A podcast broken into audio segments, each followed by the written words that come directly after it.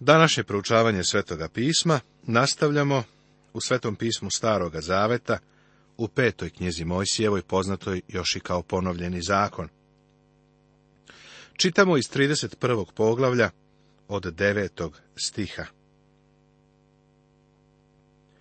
I Mojsije napisao ovaj zakon i dale ga sveštenicima, sinovima Levijevim, koji nošahu kovčeg zaveta gospodnjeg i svim starešinama Izraeljevim. Seti se da ova knjiga, peta knjiga Mojsijeva, počinje ovako. Ovo su reči koje govori Mojsije. U knjizi ima oko osam Mojsijevih govora, datih usmeno, a potom zapisanih. Mojsije je zapisao ovaj zakon. Kao što verovatno znaš, Graf Wellhausen teorija odbacuje Mojsijevo autorstvo. Smatrajući knjižje istorijskim dokumentom sabranim nekih 400 godina pre Hrista. Osnovni argument ove teorije je da je u Mojsijevo vrijeme nije bilo zapisa, odnosno pisanja.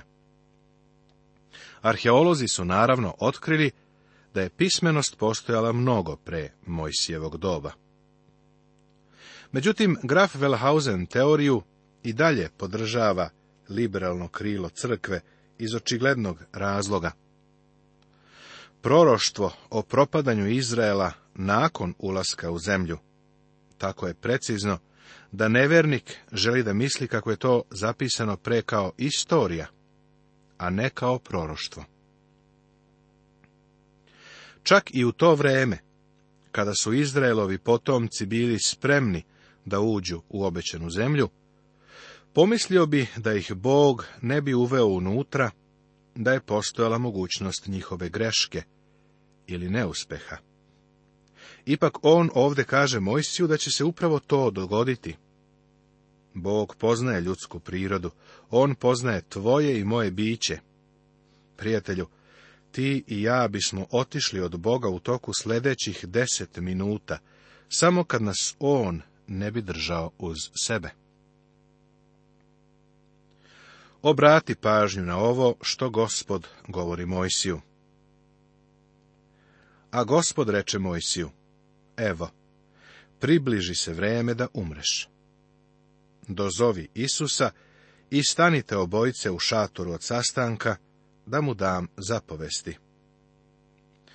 I otide Mojsije i Isus i stadoše u šator od sastanka. I javi se gospod u šatoru u stubu od oblaka. I stajaše stub od oblaka nad vratima od šatora. I reče gospod Mojsiju. Evo, ti ćeš počinuti sa ocima svojim. A narod ovaj ustavši činit će preljubu za tuđim bogovima one zemlje u koju ide, i ostavit će me i pokvarit će zavet moj, koji učinih sa njima. I onda će se raspaliti moj gnev na njih, i ostavit ću ih, i sakriću lice svoje od njih. Oni će se proždreti, i snaći će ih zla mnoga i nevolje. I onda će reći, da me ne snađoše ova zla zato što Bog moj nije posred mene. Znam da danas ima ljudi koji kažu, mi danas smo drugačiji, nećemo otići od Boga.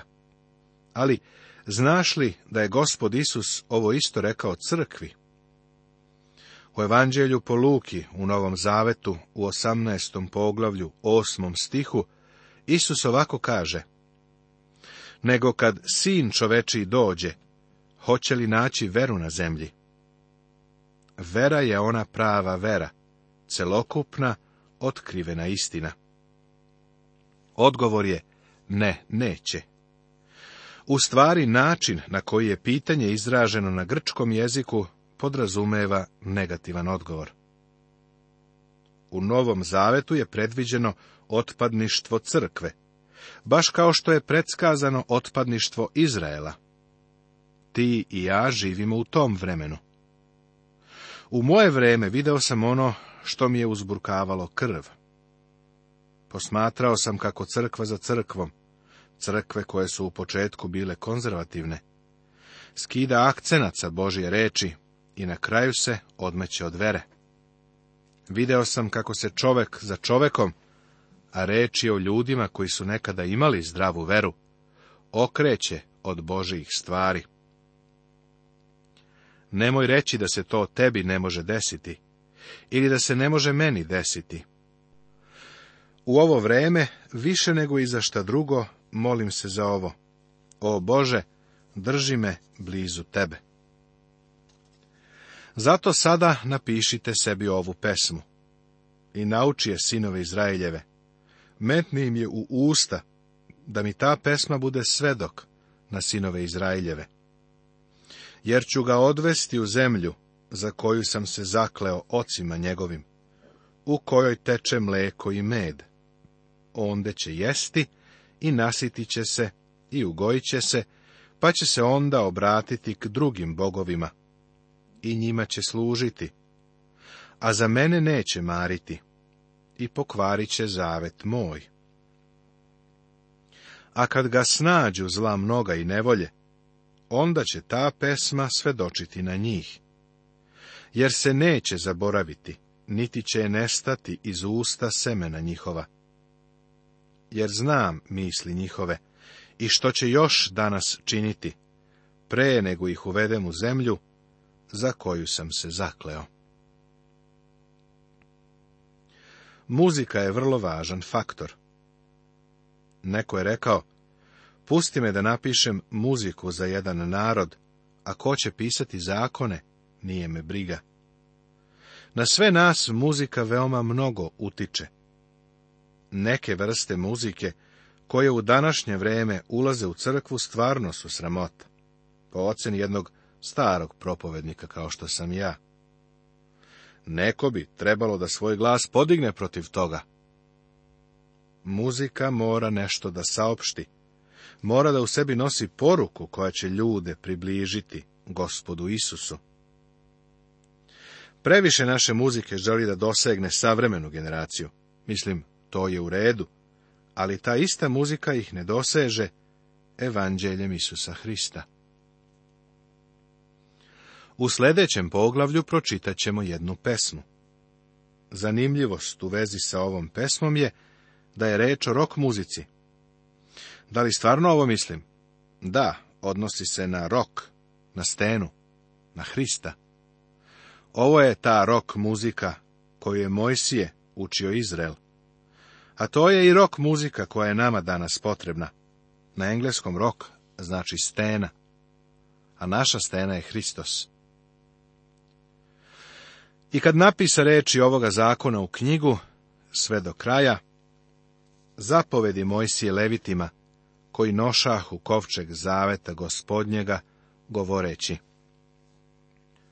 Uzmite ovu knjigu zakona i metnite je pokraj kovčega zaveta gospoda Boga svojega, da bude onde svedok na vas. Ova knjiga, kao što verovatno znaš, ne odnosi se na knjigu kakvu danas imamo. Reč je o svitku ili čako glinenoj tablici. Međutim, u Mojsijevo vreme su imali svitke, tako da je ovaj zakon verovatno napisan na svitku. Seti se da se nalazimo u delu koji smo nazvali Mojsijev rekvijem. Mojsije daje posljednji izveštaj narodu. Poziva plemena da se okupe oko njega, kao što je stari Jakov pozvao svojih dvanaest sinova. Tih dvanaest sinova je preraslo u ovih dvanaest plemena i sada su veliki narod. Mojsije ih poziva k sebi. Jer znam nepokornost tvoju i tvrdi vrat tvoj. Eto, dokle sam još živ s vama, do danas, beste nepokorni gospodu, a kamoli kad ja umrem skupite k meni sve starešine od plemena svojih i upravitelje svoje da im kažem da čuju ove reči i da im zasvedočim nebom i zemljom. Jer znam da ćete se po smrti mojoj pokvariti, zaći s puta koji vam zapovedih. I zato će vas zadesiti ovo zlo najposle, kad stanete činiti što je zlo pred gospodom, gnjaveći ga delom ruku svojih i izgovori Mojsije da čuje sav zbor Izraeljev reči ove pesme do kraja. Ovo što je Mojsije izjavio pre oko tri i po hiljade godina i danas je tačno. Doslovno se ispunilo. Također je to istina koja se odnosi na ceo ljudski rod, jer je Bog rekao da će se ljudi, koji se odvoje od njega, potpuno iskvariti. Sve što treba danas da učinimo jeste da pogledamo oko sebe. Videćemo da je to tačno. Poglavlje 32. Tema Mojsijeva pesma Mojsijeva pesma je divna, na mnogo načina veličanstvena pesma. Izraelski narod je trebalo da je nauči. Ta pesma je trebalo da postane nešto kao njihova nacionalna himna. Tu pesmu im je dao Bog. Svaki Izraelac je morao da je nauči i da potom svoju decu nauči tu pesmu. Kao što sam već napomenuo, muzika je vrlo značajan faktor u životu jednog naroda. Neko je rekao, pusti me da napišem muziku za jedan narod, a ko će pisati zakone nije me briga, kao što rekoh malo pre. Drugim rečima, pesme su uticajnije od zakona.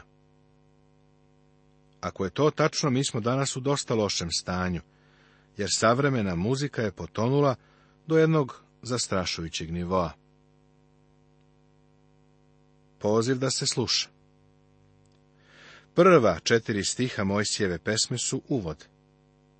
Slušaj nebo govoriću i zemlja nek čuje govor usta mojih. Bog poziva nebo i zemlju da svedoče da su to uslovi pod kojima on Izraelce vodi u zemlju. Kada on bude spreman da istera Izrael iz te zemlje, u znak suda, Isaija će zabeležiti isti poziv. U stvari tako i počinje knjiga proroka Isaije. Utvara ili vizija Isaije, sina Amosova, koju vide za Judu i za Jerusalim za vremena Ozije, Joatana, Ahaza i Ezekije, careva judinih. Čujte, nebesa i slušaj zemljo, jer gospod govori. Sinove odgojih i podigoh, a oni se odvrgoše mene. Knjiga proroka Isaije, prvo poglavlje, prvi i drugi stih Svetog pisma Starog Zaveta. Kada je gospod uveo Izrael u obećenu zemlju, pozvao je nebo i zemlju da budu tome svedoci. Kada se spremao da ih istera iz zemlje, nekih sedamstotina godina kasnije, on ponovo poziva nebo i zemlju da budu svedoci. Bog ovo ne radi krišom, da niko ne vidi. On ih opravdano tera iz zemlje.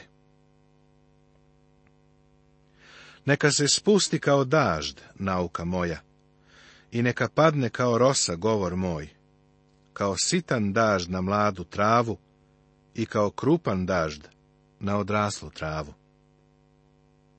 Takva je Božja reč. Psalmista kaže, Sići će kao dažd na pokušenu livadu, kao kaplje koje rose zemlju. Psalam 72. šesti stih. Volim kako ovo zvuči. Jedna daga vernica iz Teksasa u Americi je izgubila muža, koga je mnogo volela. Svom pastiru je rekla da sada razume smisao ovoga stiha u psalmu. Ona je bila kao pokošena livada a gospod joj je kroz svoju reč došao kao dažd. Tako reč Božija dolazi i u naš život. Ovde u Americi, u Južnoj Kaliforniji, leta su bez kiše. U jesen obično imamo mnogo kiše. Tako i počinje jesenje doba. Zemlja se otvara i prima dažd. Kiša pere lišće na drveću i sve postaje čisto i kristalno jasno. Bog želi da njegova reč u naše srce tako dođe. Jer ću javljati ime gospodnje, veličajte Boga našega. Tako malo naše literature danas uzdiže Boga i sve ono dobro koje se o njemu može reći. Obično se njegovo ime uzima u zalud, ako se uopšte i uzima. delo je te stene savršeno, jer su svi putevi njegovi pravda. Bog je veran, bez nepravde, pravedan je i istinit. Ovo je pesma o steni. Reč stena u ovoj pesmi koristi se sedam puta. Gospod Isus Hristos je nazvan stenom. Hristos je ugaoni kamen, kako piše u prvoj Petrovoj poslanici u drugom poglavlju u šestom stihu. Njegovo delo je savršeno. O, kako ova pesma uzvisuje Boga! Mi danas treba da ga uzvisujemo. Narod vraća zlom za blagodat Božju. Oni se pokvariše prema njemu. Njihovo nevaljalstvo nije nevaljalstvo sinova njegovih to je rod zao i pokvaren. Tako li vraćate gospodu narode ludi i bezumni? Nije li on otac tvoj, koji te je zadobio? On te je načinio i stvorio. Bog je zbog stvaranja otac Izraela. On ovde ne spominje izbavljenje. U nekom smislu, Bog je otac celog čovečanstva, jer ga je stvorio. Kada je Bog stvorio Adama, nazvao ga je sinom Božim, ali Adam je zgrešio. Nakon toga, niko od Adamovih potomaka nije nazvan Božim sinom. Sve dok ljudi verom u Isusa Hrista nisu postali sinovi Božiji. Ceo ljudski rod bi se mogao opisati kao pokvareni naraštaj, bezumni narod. Jahvina dobrota. Sada imamo divnu strofu o Božjoj dobroti. Stihovi od 7. do 14. Opomeni se negdašnjih dana. Pogledajte godine svakoga veka. Pitaj oca svojega i on će ti javiti, starije svoje i kazat ti. Kad višnji razdade nasledstvo narodima, kad razdeli sinove Adamove, postavi među narodima po broju sinova Izraeljevih. Jer je deo gospodnji narod njegov, Jakov je uže nasledstva njegova. Stih osmi je veoma neobičan. Još nikada nisam čuo dovoljno dobro zadovoljavajuće objašnjenje tog stiha. Zemaljski narodi su odmereni na osnovu broja dece Izraelove. Drugim rečima, granice koje narodi imaju postavljene su na osnovu broja Izraelaca. Ovo je nešto što zahteva ozbiljno proučavanje. To nam objašnjava zašto su judejci i njihova zemlja najosjetljivija oblast na zemaljskoj kugli. Nastavit će se.